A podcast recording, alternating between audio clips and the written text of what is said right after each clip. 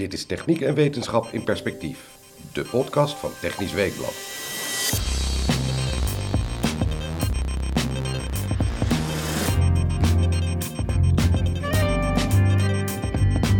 In deze podcast gaan we het hebben over uh, het bedrijfsleven in de Rotterdamse haven en de grote uitdagingen waar ze momenteel voor staan op het gebied van energietransitie, coronamaatregelen. En dat doen we samen met Bas Jansen, directeur van Delta Links. Bas, welkom. Dankjewel.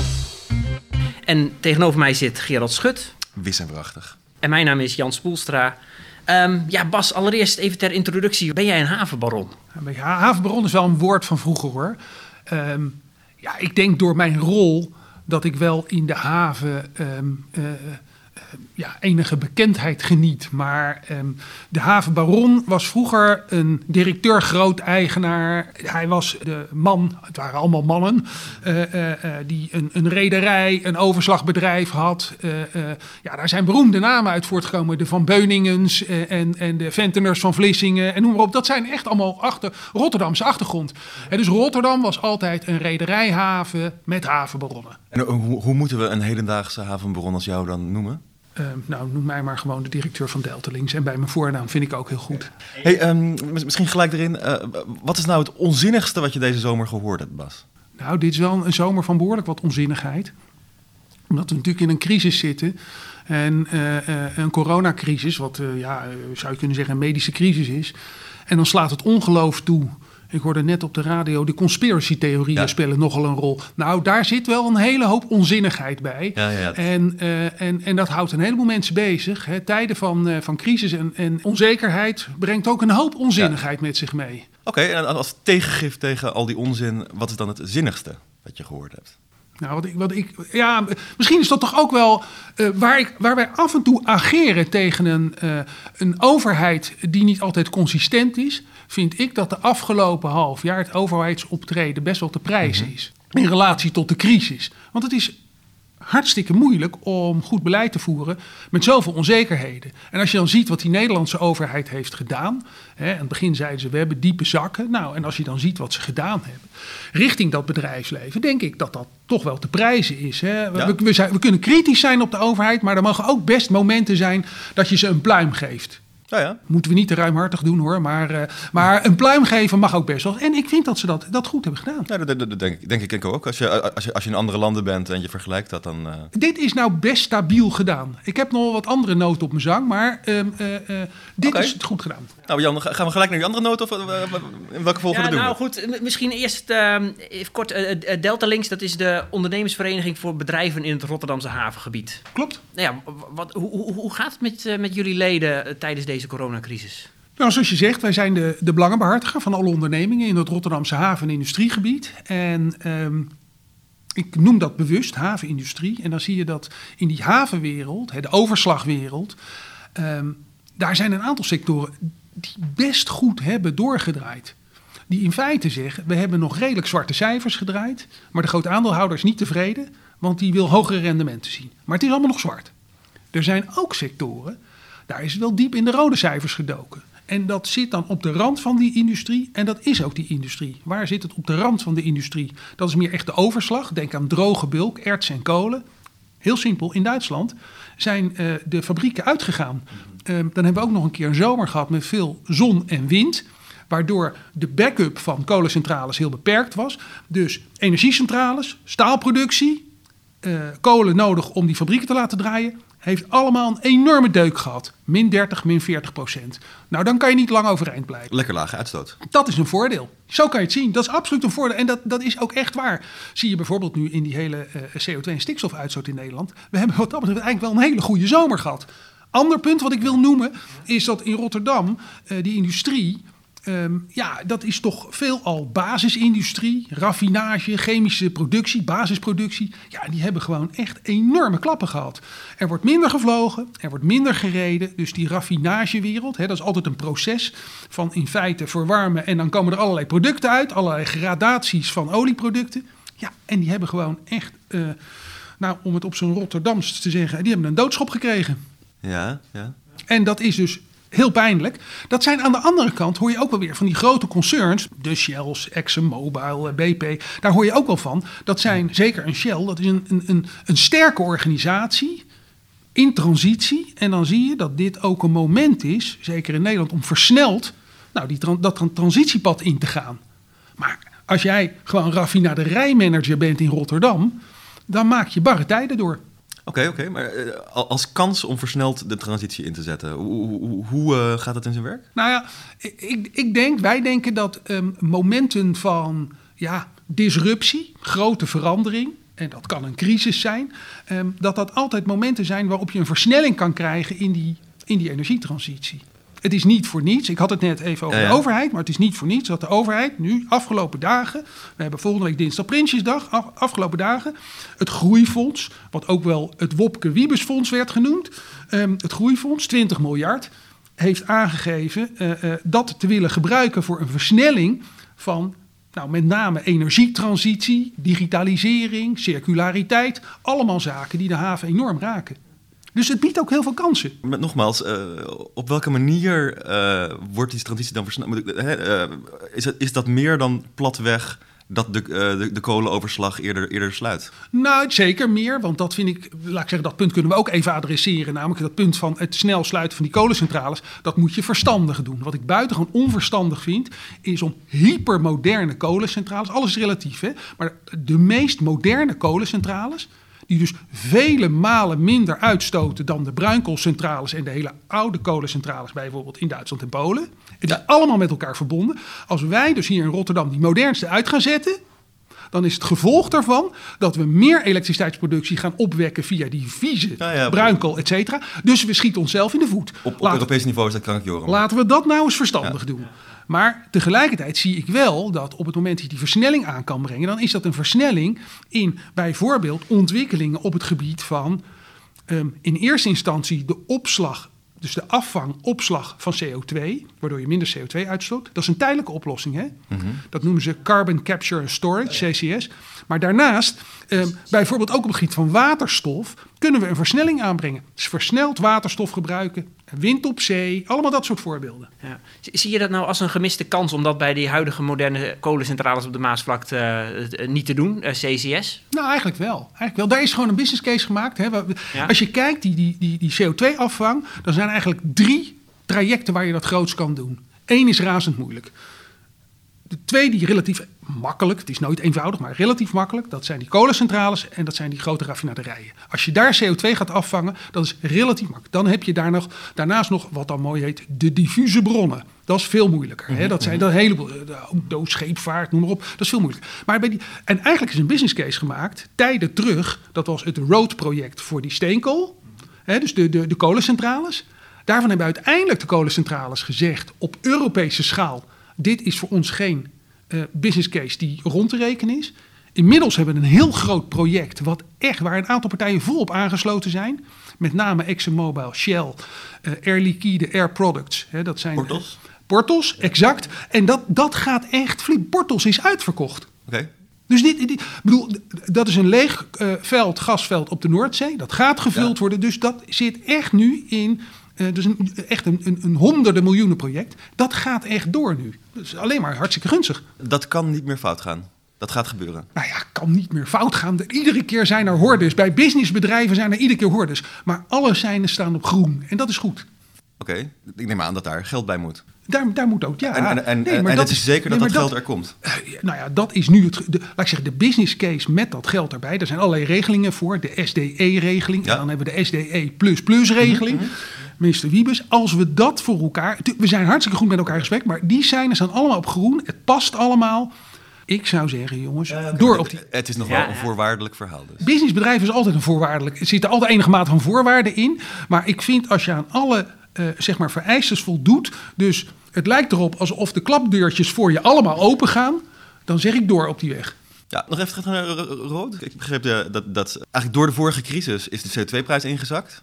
En zonder die crisis en die, in die lagere CO2-prijs was rood ook gewoon doorgegaan. Ik durf niet te spreken voor die grote energie, eh, energiebedrijven, hè, grote Europese energiebedrijven. Maar die kans was zeker aanwezig geweest. En ja, ik weet nog niet wat. We, we zitten in 2020. Hè, ik weet niet wat in het komende decennium, misschien wel de twee decennia, nog op ons pad gaat komen. Wie weet? Die hele energiemarkt is zo in beweging op dit moment. Het heeft allemaal met prijzen te maken. Dat zie je ook in de oliewereld. Wa- wa- Wat, kost een barrel olie? Wat kost eh, een ton CO2? eh, et cetera. Al- dat soort vraagstukken. Wat kost elektriciteit? De verwachting is dat elektriciteit in de komende jaren flink duurder gaat worden. Mis- mis- Misschien, misschien nog een, een extra vraag over die CS. Eh, eh, Lennart van den Burg eh, van eh, TNO hier aan tafel. Die zei eigenlijk, CCS, als je dat gaat doen, dan, dan, hè, dan vang je een percentage af. Je 70, 80. eh, En dat is niet goed genoeg. We moeten naar nul. Ja, natuurlijk moeten we naar nul. Dat is ook zo. Maar weet je, het, het- wat, wat wij altijd bepleiten, is dat je stepping stones nodig hebt. Ik vind al die mensen vind ik razend interessant die roepen. En dat vind ik zo jump into conclusion. Weet je wat, wij springen van 1 naar 5.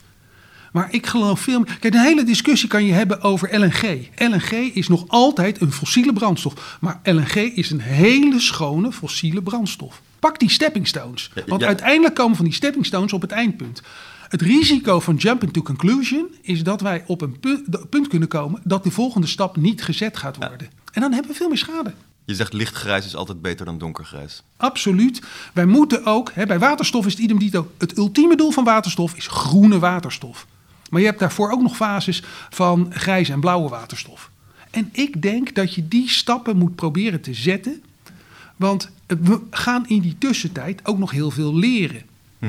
Wij zitten hier in, op dit moment in een universitaire omgeving. Nou, er gaat nog verdomd veel onderzoek gedaan worden in de komende jaren. Waardoor we, wie weet zelfs wel, een hele stap kunnen overslaan. Omdat de technologie ontwikkeld is. Ja, voor de duidelijkheid, we zitten, we zitten hier bij TNO in, eh, in Utrecht.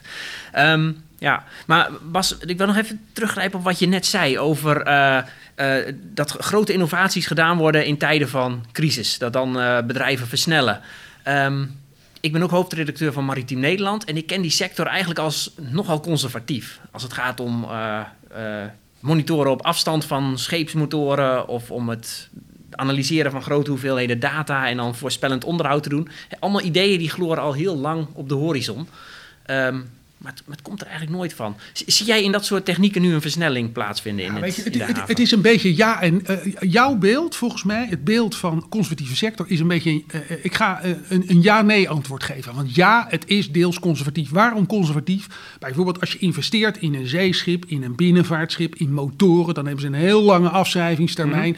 Dus, dus het, het- ja, die, de assets in die wereld, die, die zijn vaak relatief ouderwets. Want je ziet heden ten dagen dat zeker in die wereld van digitalisering, dat er een enorm snelle ontwikkeling is. Maar tegelijkertijd zijn, eh, eh, is die wereld van transport ook een, ook een biotoop voor verandering. Want wat zijn grote spelers nu aan het worden in de wereld van logistiek en transport? Dat zijn de Amazons en de Alibaba's en, en de DHL's. En dat zijn allemaal bedrijven waar IT technologie optimaliseren, data, artificial intelligence een hele grote rol speelt. Dus je ziet enerzijds bij ons zie je die wereld van ja, staal, schepen. En ga die maar eens, hè, die schepen die, dan, die, die het liefst autonoom gaat laten varen, versus het manuele. Dat is best een moeilijke verbindenis, een moeilijke interferentie. Dat zie je in het verkeer ook.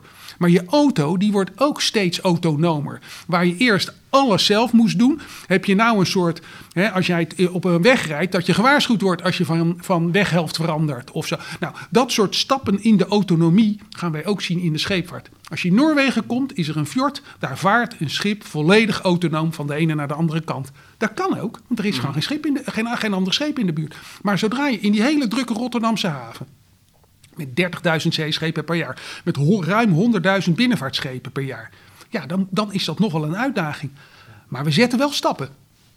Als je kijkt naar bijvoorbeeld het, het, ehm, het afhandelen van schepen. Hè? Een schip komt de haven in, dat heeft een loods nodig, dat heeft een vasmaker nodig. Een diepgang wil je weten, hoe laat komt die loods, hoe laat komt die sleepboot. Al dat Ja, soort dingen ja, ja. kan je verregaand optimaliseren en dan ga je geld verdienen. Dus er zijn allerlei projecten gaande waarin we echt wel stappen zetten. En dat zie je ook in de scheepsbouw, dat zie je ook in. En dus alle technologische ontwikkelingen, ja. En ja, hoe snel gaat, hoe snel accepteert de markt dat? Kijk, je ziet nu ehm, expediteurs, die zijn volledig autonoom, eh eh foodloose. Wij spreken kunnen werken vanaf de zolderkamer. En je hebt ook nog expediteurs, waarvan ik wel eens zeg, gekscherend, die schrijven met een ganzenveer. En die laatste groep, als die niet verandert, Ja, dan is op een gegeven moment hun business over. Dan worden ze overgenomen en dan worden ze opgegeten. Wat je in allerlei ketens ziet. Vroeger had je reisbureaus, die heb je niet meer. Vroeger had je Kodak, heb je ook op een hele andere manier niet meer. De, de middlemen in de keten worden eruit gegeten. Ik heb laatst meegemaakt, dat was een ongelooflijk leuk jong bedrijf. Zit in het groothandelsgebouw in Rotterdam, dus eigenlijk niet in de haven. In het CIC, het Cambridge Innovation Center. En dat bedrijf, ehm, eh, eh, eh, dat, die, die neemt in feite de rol over van een expediteur. Dan zegt de traditionele expediteur, ja, maar dat is geen expediteur, die heeft geen expediteurskennis. Dat is een IT-bedrijf. Ja, maar ze doen wel hetzelfde werk. Ja, ja, ja, dat zie je heel Het vaak. Hè. Het is- eh, partijen die een platform creëren van vraag en aanbod. Dat zie je nou ja, ook in consumenten. De platformeconomie. ja, Ik bedoel, ja. het, het gebeurt en dat gaat absoluut invloed hebben op al die stromen in zo'n haven. Is het ook zo dat eh, wat, eh, nou ja, ik weet niet of, of de huidige haventopman dat wel eens gezegd heeft, maar de, de derde Maasvlakte is zo'n term die nog wel eens eh, eh, voortkomt. Ja. Hè? Dat, dat in de haven, hè, vroeger was er een, eh, een havenman, eh, topman eh, Hans Smits geloof ik, die was heel erg van de volumes en van de, van de, je moet fysieke goederen overslaan in zo'n haven. Ehm, Wat en- moet je er anders? Ja, wat moet je er anders? Nee, Nee, het, eh, nou, het- het ja, maar weet je, dat, eh, dat vind ik, ik, ik zou er antwoord op weten. Wat ik altijd zo prachtig vind is, we hebben in Nederland twee termen. Mainport en Brainport. Hè? En de Brainport is Eindhoven, daar gebeuren fantastische dingen. Bedrijven waar we allemaal trots op moeten zijn. De ASML's, NXP's, absoluut. En ook, ook allerlei andere derivaten vanuit Philips, fantastisch. Maar de Mainport, en zeker de Mainport Rotterdam... We hebben er nog één, dat is eh, Schiphol. Daar, in Schiphol moeten er gewoon mensen doorheen en goederen. In Rotterdam, eh, de, de geografische locatie van, van de Mainport Rotterdam is cruciaal. Want er wordt wel eens gezegd, wij voeden 500 miljoen mensen, welvarende burgers in Europa. We hebben natuurlijk wel concurrenthavens. En, en, en dat zijn echt dat stevige concurrentie. Maar die voeden wij wel. Dus wel cruciaal voor ons is eh, dat die goederen door die haven gaan. Maar dat er ook waardecreatie plaatsvindt. Hè? En dat we dus, dus hoogwaardig eh, toevoegen. En dat is waar, waar Jan net met zijn Nou, vraag heen en, wilde, en of dat niet, is Jan? natuurlijk cruciaal voor, voor jouw vraag over die derde Maasvlakte. Want bij zo'n derde Ma- Kijk, eerste Maasvlakte, tweede Maasvlakte... en die hele uitbreiding die vlak na de oorlog heeft plaatsgevonden... dat is een fysieke uitbreiding geweest. Hè? Ja, dus ja. grond waar raffinaderijen, chemische fabrieken... en later containeroverslagbedrijven, et cetera, gekomen zijn. Heel belangrijk. Ik durf wel de stelling aan dat we in ieder geval voor de komende jaren... misschien wel decennia voldoende ruimte hebben in Rotterdam, fysieke ruimte. Maar nu gaat het ook om iets anders. Daarom is die discussie over die derde Maasvlakte, en dat is dan ja, een beetje een metafoor, ligt die derde Maasvlakte nou in zee, naast de tweede Maasvlakte? Ik denk het niet. Ligt die op Brain Park in Rotterdam, of hè, ergens, of midden in de stad, op, eh, o- op de Koolsingel, of weet ik veel waar? Of ligt die misschien wel ergens midden in het havengebied, omdat er een transitie plaatsvindt? Of in een datacenter. of in een datacenter, et cetera. Ik denk dat uiteindelijk dat het een combi van een aantal wordt, maar dat het zeker zo belangrijk is dat die hoogwaardige maritieme dienstverlening, en dan moet je denken aan handelaren, aan, aan consultancy, aan financiële wereld, eh, ingenieurs, dat die ook meer nog hoofdkantoren, dat die ook meer nog in Rotterdam zijn positie krijgt. Want dat voegt veel toe.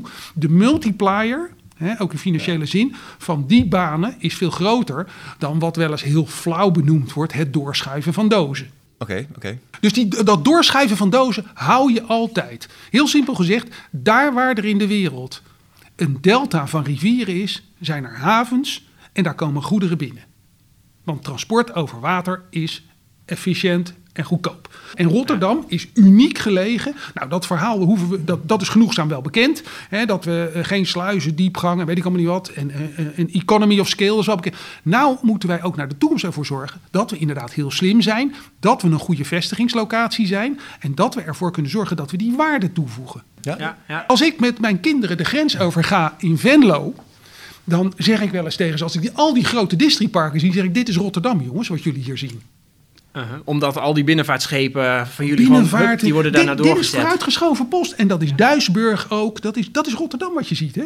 Allemaal de appendix van Rotterdam. Tuurlijk. Bas, je sprak eh, vorige week eh, over eh, een aantal grote issues waar de Rotterdamse haven momenteel mee te maken heeft. Hè. Eh, corona is natuurlijk de, de één. Eh, een, een volgende die op, eh, nou ja, op mijn lijstje staat, eh, is de stikstofcrisis. Dat heeft enorme impact op jullie haven. ja, en die had ook al op jouw lijstje kunnen staan. En als het goed is, stond hij erop voor de coronacrisis. Want dat speelt al eventjes. Die stikstofcrisis, want in feite, wat is er gebeurd?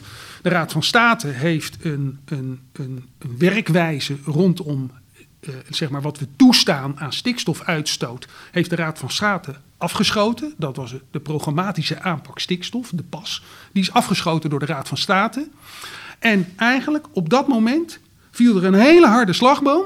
Want Het land- de, de, de grootste crisis uit de carrière van, van eh, Mark Rutte. ja, ja, ja dat zo betitelde hij dat wel. En wat kreeg je?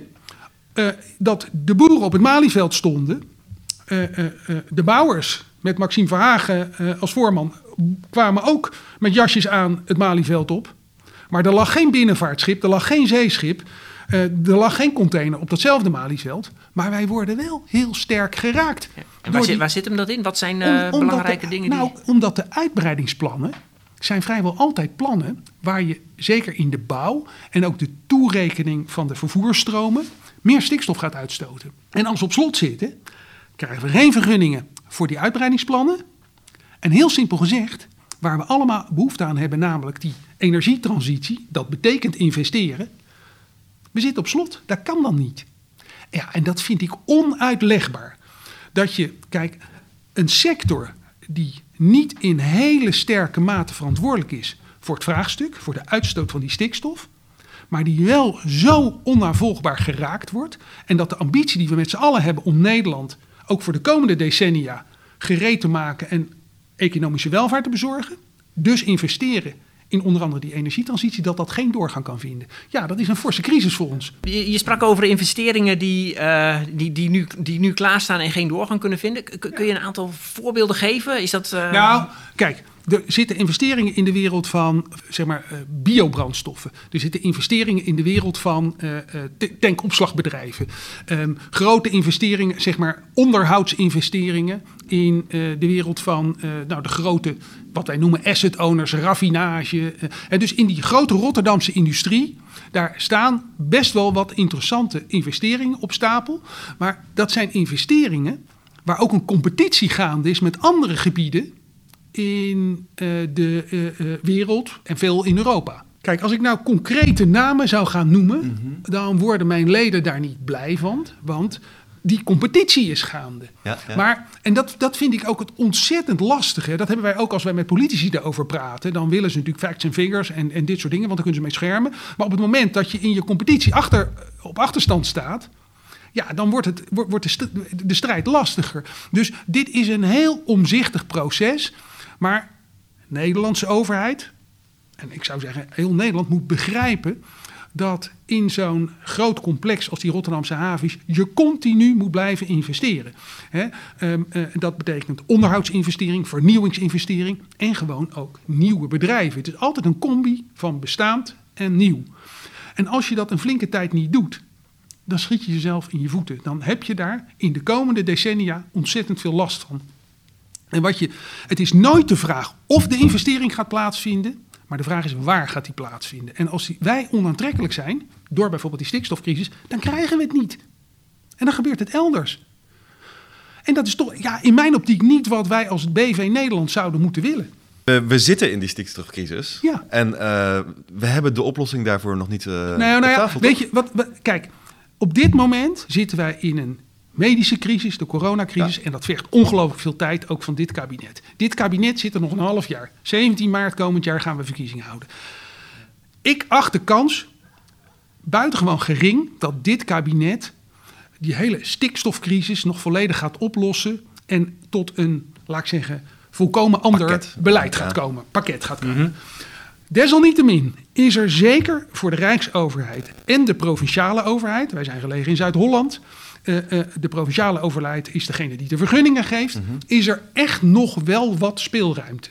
Dus mijn vraag aan het Rijk, aan de provinciale overheid, hè, Rijk Nederland, provincie Zuid-Holland, creëer in ieder geval lucht dat we door kunnen tot en met de verkiezingen Ja. en de formatie daarna. Want, eh, Ik er- verwacht dat een komend kabinet, hè, dus de formatie naar een komend kabinet, dat, dat moet volgens mij tot een structurelere oplossing komt voor het stikstofvraagstuk. d- er is eind vorig jaar al een soort stikstofbank gecreëerd waar je... Ja, en er is een brief van Carola Schouten en er is een onderzoek gedaan door Remkes, dus er is van alles Ja, gebeurd.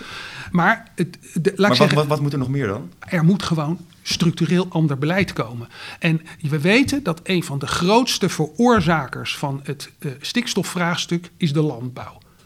Ik ga niet een positie innemen dat ik zeg, eh, de landbouw knippen maar in tweeën. Maar ik denk dat er heel veel innovaties mogelijk zijn in die landbouw. Om ervoor te zorgen dat die landbouw nog steeds overeind blijft. Het belang blijft hebben voor Nederland, voor Europa, voedselproductie. Nederland is een heel belangrijk landbouwland. Maar door innovaties.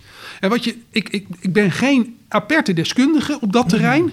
Ik hou me bezig mee, een beetje met de Rotterdamse haven. Maar ik weet wel dat het grote vraagstuk de cocktail is van eh, eh, eh, zeg maar de poep en pies bij de, bij, de Nee, beesten. goed, ik- ik- ik hoor En wat dan- je zegt- ik en hoor dan wat je kom zegt, En dan eh. kom je op ammoniakuitstoot. Dus als je dat slimmer kan, stallenbouw, whatever. Maar als je dat slimmer kan, kan je daar oplossingen voor Ja, zien. daar, daar is iets te verbeteren, maar dat, daar, daar kun je misschien 20% reductie mee, mee halen, maar niet, eh, niet 100%. Ik zou bijna zeggen, dat is al een hele stap. En laten de mensen die er echt verstand van hebben, daarvan verstand hebben, kijken waar de creatieve oplossing is. Maar laat ze ook besef hebben van het grote belang van die Rotterdamse haven en industrie. Ik las eh, een tijdje geleden in de NRC een stuk waar ik best bedroefd van werd over eh, de eh, tank olie, olieoverslag, enorme, enorme containers die op, bij 60 graden eh, ongeïsoleerd energie staan te verliezen.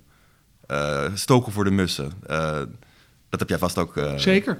Wat, wat, wat, wat denk je daarvan? Nee, maar ik denk dat, ehm, kijk, als wij bezig zijn met ons energievraagstuk, zijn er altijd een aantal elementen die we daarbij oppakken. En één element is energie-efficiency.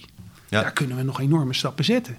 En of dat nou eh energie-efficiëntie of efficiënt gebruik van ruimte is door, door eh, eh, eh, zonnecollectoren op een dak te zetten, of door restwarmte van de een te gebruiken bij de ander, of, of door een, een, een warmtenet dus aan te leggen, de warmte van de industrie te gebruiken voor woningen te verwarmen. Er zijn gewoon een heleboel interessante stappen te zetten. Ja. En dat gaan we gewoon doen in de komende tijd. En die hadden eigenlijk al lang gezet moeten worden. In de zin dat het wettelijk verplicht is om iedere energiebesparende maatregel die je binnen vijf jaar terugverdient. als je een groot verbruiker bent, wat de meeste van jou, jouw bedrijven zijn. eh, die had je allemaal al moeten nemen. Maar wa- waarom zijn ze nog niet genomen? Nou ja, kijk, ehm, eh, ik denk, eh, sprekend vanuit de bedrijven, zeg ik, als er een maatregel is die het energieverbruik omlaag kan brengen, zeker omdat het veelal ook grootverbruikers zijn, Ja. dan zullen bedrijven daar altijd in geïnteresseerd zijn. Ehm, bij wettelijke maatregelen vind ik altijd dat het in balans moet zijn met de omgeving, met de concurrentie. Wij moeten Ja. niet nodeloos Nederland, Rotterdam op achterstand zetten. Maar als wij bijvoorbeeld in een Europese context daar goede. En, en het, is, eh, het lijkt dan heel makkelijk, hè, want dan wordt het weer naar Brussel verschoven en dan gaat het weer decennia lang duren. En dat is helemaal niet wat ik wil. Want ik denk als je, een- als je laat ik zeggen, iets van een, een interessante business case kan maken, dan zijn die bedrijven daartoe bereid. Bedrijven hebben ook getekend voor Parijs, hè? vergis je niet. Ja, precies, maar er is ook zo'n uitruil geweest, toch? Om, om die lage tarieven voor de grootverbruikers in stand te houden. Hebben de grootverbruikers beloofd, oké, maar dan gaan we die energiebesparende maatregelen nemen. En die zijn dus niet genomen. Laat ik zeggen, Parijs is nog niet zo heel lang geleden. Ehm, en we zijn al een tijd, het, we zijn al een tijd mee, mee bezig. En ik, en ik vind als dit soort voorbeelden tot, echt tot rendement kunnen leiden, dan kan ik me niet voorstellen dat ze niet op het lijstje staan van bedrijven, van ons, van ons klimaatprogramma, om daar ook stappen te zetten. We hebben in Rotterdam, hè, we hebben een Nederlands klimaatakkoord, we hebben een Rotterdams klimaatakkoord. En het belangrijkste element van het Rotterdamse klimaatakkoord is het versnellingshuis. Dus om te kijken waar kunnen we nou in ons gebied versnelling creëren. Als dat is op het gebied van warmte, dan verwacht ik dat we dat ook gaan doen. Oké, maar je, kunt, je kunt me niet uitleggen van... ja, maar kijk, als je het vanuit zo'n bedrijf bekijkt... dan is het ook wel logisch dat ze die maatregel niet nemen, want... Nou, nou, nou. Nou ja, de, de, de na-na-na zou kunnen zijn dat zij een internationale concurrentie zijn. En dat eh, eh, het vaak global companies zijn. En die kijken gewoon waar kunnen zij het beste, het meest efficiënt hun product verwerken. Dus, eh, en dat zie je op vele terreinen. Als de regels hier voor de opslag van producten in tanks veel zwaarder zijn dan in het Verenigd Koninkrijk of in Duitsland, dan weet ik wel wat die bedrijven doen. Dus wij moeten, ons, wij moeten slim acteren. Liefst in een Europese context, want daar vindt vaak de ja. concurrentie plaats. En dan kunnen we stappen zetten. En we moeten er ook voor zorgen dat, nou ja, wat we dan noemen die business case, voor Nederland zo interessant is dat het hier plaatsvindt, dat we de koploper zijn. Ja, en dat is altijd een balans zoeken. En het is niet een verhaal van eh, een terugverdientijd van vijf jaar is het gewoon te lang voor een bedrijf. Een bedrijf doet het Nee, alleen nee, voor drie jaar. Nee, absoluut niet. Absoluut. Er zijn investeringen, er zijn echt grotere investeringen die, eh, en soms zelfs miljarden investeringen die snel worden afgeschreven en investeringen die, die over een lange termijn. Wat cruciaal voor die bedrijven is, is stabiel overheidsbeleid. Want kijk, op het moment dat er instabiliteit is, dan willen ze versneld hun afschrijving eh, doen. Want dan zeggen ze, ja, ik weet niet hoe de vlag erbij hangt over vijf of over tien jaar. Maar op het moment dat. Daarom vind ik Nederlandse overheid. Nederland moet een baken van rust zijn, van stabiliteit. Als dat het geval is, willen bedrijven zich vestigen hier. Weet je, de discussie is niet altijd het, de, de, de, het laatste procentje meer of minder qua kosten. Het gaat erom, kan ik erop vertrouwen dat ik over 5, 10, 20 jaar nog steeds met dezezelfde overheid zaken kan doen? Zeker. Dus bijvoorbeeld door een, eh, een duidelijk pad voor een CO2-heffing aan te kondigen. Absoluut. Een, een duidelijk pad. Maar ik wil er nog één ding aan Ja. toevoegen. Aan dat duidelijke pad is dat dat pad ook wel concurrentieel moet zijn. Hè? Want een duidelijk pad kan ook zijn dat, het, dat, Ja. eh, eh, eh, eh, dat, dat we de enige zijn. eh, eh, maar eh, dat, dat gaat het toch nooit zijn als, het- als, het, als Nederland nou, dat, weet ik niet. Dat ben ik niet met je. Waarom is Nederland dan in de afgelopen, eh, eh, eh, de- deze- laat ik zeggen, de, de jaren 50, 60, 70 enorm als haven gegroeid? Dat is ook niet zomaar geweest. Dat komt omdat er destijds onder andere gunstige locatie Mhm, en alle dingen die, die ik net genoemd heb, maar ook omdat er een overheid was die op een goede manier hè, alle belangen afwegend de rode loper heeft uitgerold richting bedrijven.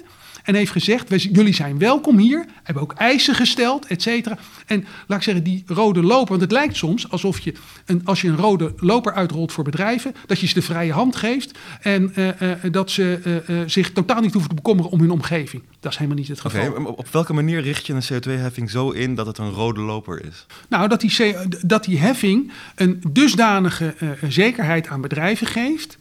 Dat zij eh, ook, eh, nou, wat ik net schetste, over 15 en 20 jaar hier nog kunnen ondernemen. En dat zij zich eh, hier welkom voelen.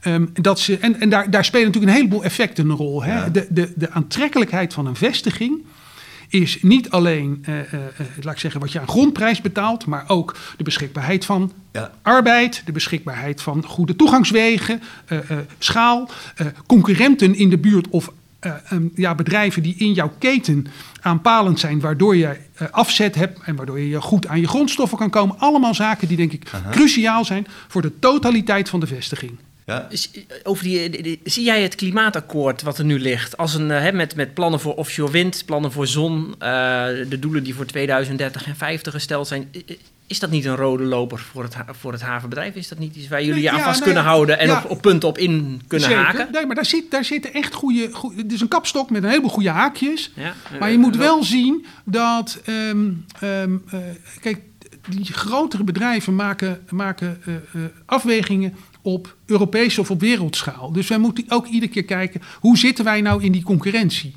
Kijk, en als jij koploper denkt te zijn door strengere eisen te stellen en hogere kosten in rekening te brengen, dan acht ik, ondanks dat die bedrijven ab- absoluut zich houden aan hun woord, eh, het Parijse akkoord, maar zullen dan niet alleen daarom in Nederland zich vestigen. Er moet meer zijn. En ik vind dat wij in Nederland wel eens ehm, de laatste jaren daar, daar niet het warme welkom zijn geweest. Een beetje zwalkend in geopereerd hebben. En er komt misschien nog bij dat, dat bedrijven die kolen overslaan, eh, grote chemische multinationals in Nederland, eh, ja, die bedrijven staan niet echt lekker in de publieke opinie momenteel. Hè? Eh, Nee, maar dat heeft ook met een framing te maken die niet altijd even terecht is. Want, ehm, ehm, eh, en, en, en ik denk dat ook bedrijven, de sector is daar ook zelf deels debet aan. Want die moeten ook beter nog hun verhaal vertellen. En je ziet dat de bedrijven daarin groeien. Vertel je verhaal. Ehm, maar tegelijkertijd vind ik ook wel ehm, dat wij ehm, heel snel vooruit rennen. En, en eh, hè, in Nederland, maatschappelijk, politiek, overheden. En onvoldoende ons besef hebben. Waar komt nou die welvaart van Nederland vandaan? Ja, precies. In, de woorden van Hans de Boer moet Jesse Klaver nog over de drempel van de wijsheid gebracht worden. Ehm, ja, dat is eh, zoals eh, Hans dat heeft neergezet. En eh, hij heeft ook gezegd dat eh, eh, eh, het mogelijk vertrek van Unilever mede te danken is Ja. aan, aan, aan eh, de uitspraken van Jesse Klaver. Nou ja, ehm, eh, laat ik zeggen, die woorden laat ik aan, aan Hans de Boer. Maar ik, ik, ik snap wel een beetje wat hij zegt als hij zich focust op... moet je kijken wat we hier hebben en laat dat niet als zand door je vingers heen glippen ik heb wel eens het gevoel de laatste, laat ik zeggen, twee decennia, dat we daar echt iets te lichtzinnig over nadenken. Hoe, hoe, wat we hier hebben opgebouwd. Het, Nederland was voor de eh, eh, eh, Tweede Wereldoorlog helemaal niet zo'n verschrikkelijk rijk land. Wij, wij, wij, hebben, wij zijn echt de afgelopen jaar, en helemaal de afgelopen nou ja, 30, 40 jaar, zijn wij echt een rijk land geworden. En dat komt ook door slim ondernemerschap. Wij hebben onnavolgbaar veel hele grote bedrijven in Nederland. De Shells, Unilever, Axo, Philips, eh, ASML. Fantastische bedrijven. Hoe, welke landen van die omvang, 17 miljoen inwoners, hebben dat? Ja, ik, dus iets meer trots, iets meer. Hè, ik, nou ja, wij, wij hebben ook. Dit is een beetje cliché aan het adagia, maar wij zeggen ook altijd: je hebt welvaart nodig om welzijn te kunnen creëren. We hebben een enorme maatschappelijke discussie op dit moment over eh, eh, defensie, de politie, de zorg, het onderwijs. En allemaal zaken die ongelooflijk belangrijk zijn. Als haven gaan wij daar in, in, in principe niet over. Maar de fase daarvoor is geld verdienen. Dat doe je met handelen en maken. Nou, dat doen we alle twee in die haven. Koester dat. Waar ik tot slot nog wel benieuwd naar ben, is, eh je houdt dit verhaal denk ik ook bij politici en bij beleidsmakers. Eh, ja, wat krijg je te horen als je hiermee op het ministerie van Economische Zaken aankomt? Nou, weet je, als we dit bespreken bij de ministeries. En wat vroeger altijd ons moederministerie was, was het ministerie van Verkeer en Waterstaat. Hè, dat was een beetje het moederministerie van de havens. Ehm, je zou kunnen zeggen dat daar ook wel een beetje accentverschuiving is, ook naar het ministerie van Economische Zaken hè, en Klimaat. Hè, want dat zegt wel een beetje Economische Zaken, Klimaat, heel belangrijk voor havens. Ook, ehm, wij vragen ook om meer, en dat was ehm, decennia lang een woord wat bijna niet uitgesproken mag worden, maar wij vragen om industriepolitiek. Ooit hadden we de RSV-enquête en eh, daarna mochten we het nooit meer hebben over eh, industriepolitiek. Terwijl ik denk dat het een heleboel landen om ons heen doen het gewoon. In Duitsland, Frankrijk is gewoon regelrechte industriepolitiek. Nou, eh, dan komen wij dus in gesprek met politici, met ambtenaren. En wat ik dan wel eens proef, en daar proef, van mijn kant ook wel een beetje frustratie. ehm, is een soort verdelende rechtvaardigheid. Wij moeten de koek helemaal uitsmeren over Nederland. En dan denk ik altijd: doe nou het goede op de plek waar het gedaan moet worden. Ik preek voor eigen parochie. Ik denk in Rotterdam hebben we dusdanige schaalgrootte. Dus ik word altijd blij als we die. Ik vond dat mainportbeleid, wat in de jaren 80 gestart is, was echt niet verkeerd. Dat is goed beleid geweest. Alle ballen op Rotterdam. Nee, niet alle ballen op Rotterdam. Daar investeren waar je slim kan investeren. En dat betekent niet alle ballen op Rotterdam. Maar daar waar het slim is. En nu komen wij voor een mainportbeleid 2.0. We zitten in een energietransitie, digitalisering, circulariteit. We zijn Nederland aan het veranderen. Dat gaat geleidelijk. En wat ik daarbij hoop, hè, want de vraag is: hoe komt dat dan aan bij die politici of bij die ambtenaren? Nou, wat ik nog wel eens mis is, zoals we dat zelf in Rotterdam zo enorm hebben, passie. Dat je echt een, eh, dat je hartje er sneller van gaat kloppen. Ehm, dat je echt denkt, ik ben er voor als politicus om voorstellen te maken, besluiten te nemen, als ambtenaar om het uit te voeren, om daar ook ideeën op los te laten, om een intelligentie daar eh, eh, voor in, in in het werk te stellen, om te zorgen dat we dat realiseren met elkaar. Ja, ik vind het soms nog wel eens een beetje instrumenteel en te weinig vanuit, eh, vanuit het gevoel. Je zou het departement graag omdopen tot het ministerie van Economisch Klimaat. Nou ja, als je het zo wil noemen. eh, eh, in ieder geval zou ik er af en toe nog een saus passie overheen willen gooien. En, en, en ehm, ik. Weet je, je ziet wel, dat, en, en ik begrijp het wel, maar dat er altijd een soort reserve is van waar committeer ik me aan? Of waar- heb, durf, dat, het, laat ik zeggen, het ondernemende, en dat betekent niet dat je ondernemer bent, maar het ondernemende, de passie, die zou ik wel in het Haagse terug willen zien. En die passie die zie je niet in dat fonds van 20 miljoen? 20 miljard? Nou, wel een beetje. Ik vind, dus je ziet een aantal hele goede initiatieven. Ik vind dat heel goed. Nee, dat echt, het, is, het is niet allemaal zwart en wit. Maar als wij soms daar op die grote ministeries komen, dan heb ik wel eens het gevoel: come on guys, Hier moeten we met z'n allen voor gaan. En het is ook leuk. Dat is ook heel belangrijk. Dat je er dus een beetje energie van krijgt. Oké, nou Jan, heb je een beetje je zin van gekregen? Ehm, ja, ik, ik wel. Ja, ik, ben, eh, ik, ik, ben al, eh, ik maak al tien jaar lang het blad Maritiem Nederland en volg de haven op de voet. Dus ik, ik, ik word er wel warm van. Eh, plannen van Shell bijvoorbeeld om, om dus ook op de, die tweede Maasvlakte straks nou, voor het eerst waters, groene, groene waterstof te gaan produceren. Ik, ik vind daar echt wel mooie dingen gebeuren. En nou ja, goed. Weet je wat daar nou het mooie van is? nou, Shell zegt, we doen het gewoon. Nederland is een beetje een proeftuin voor ze. Ja. Maar ze zeggen, we gaan dat doen.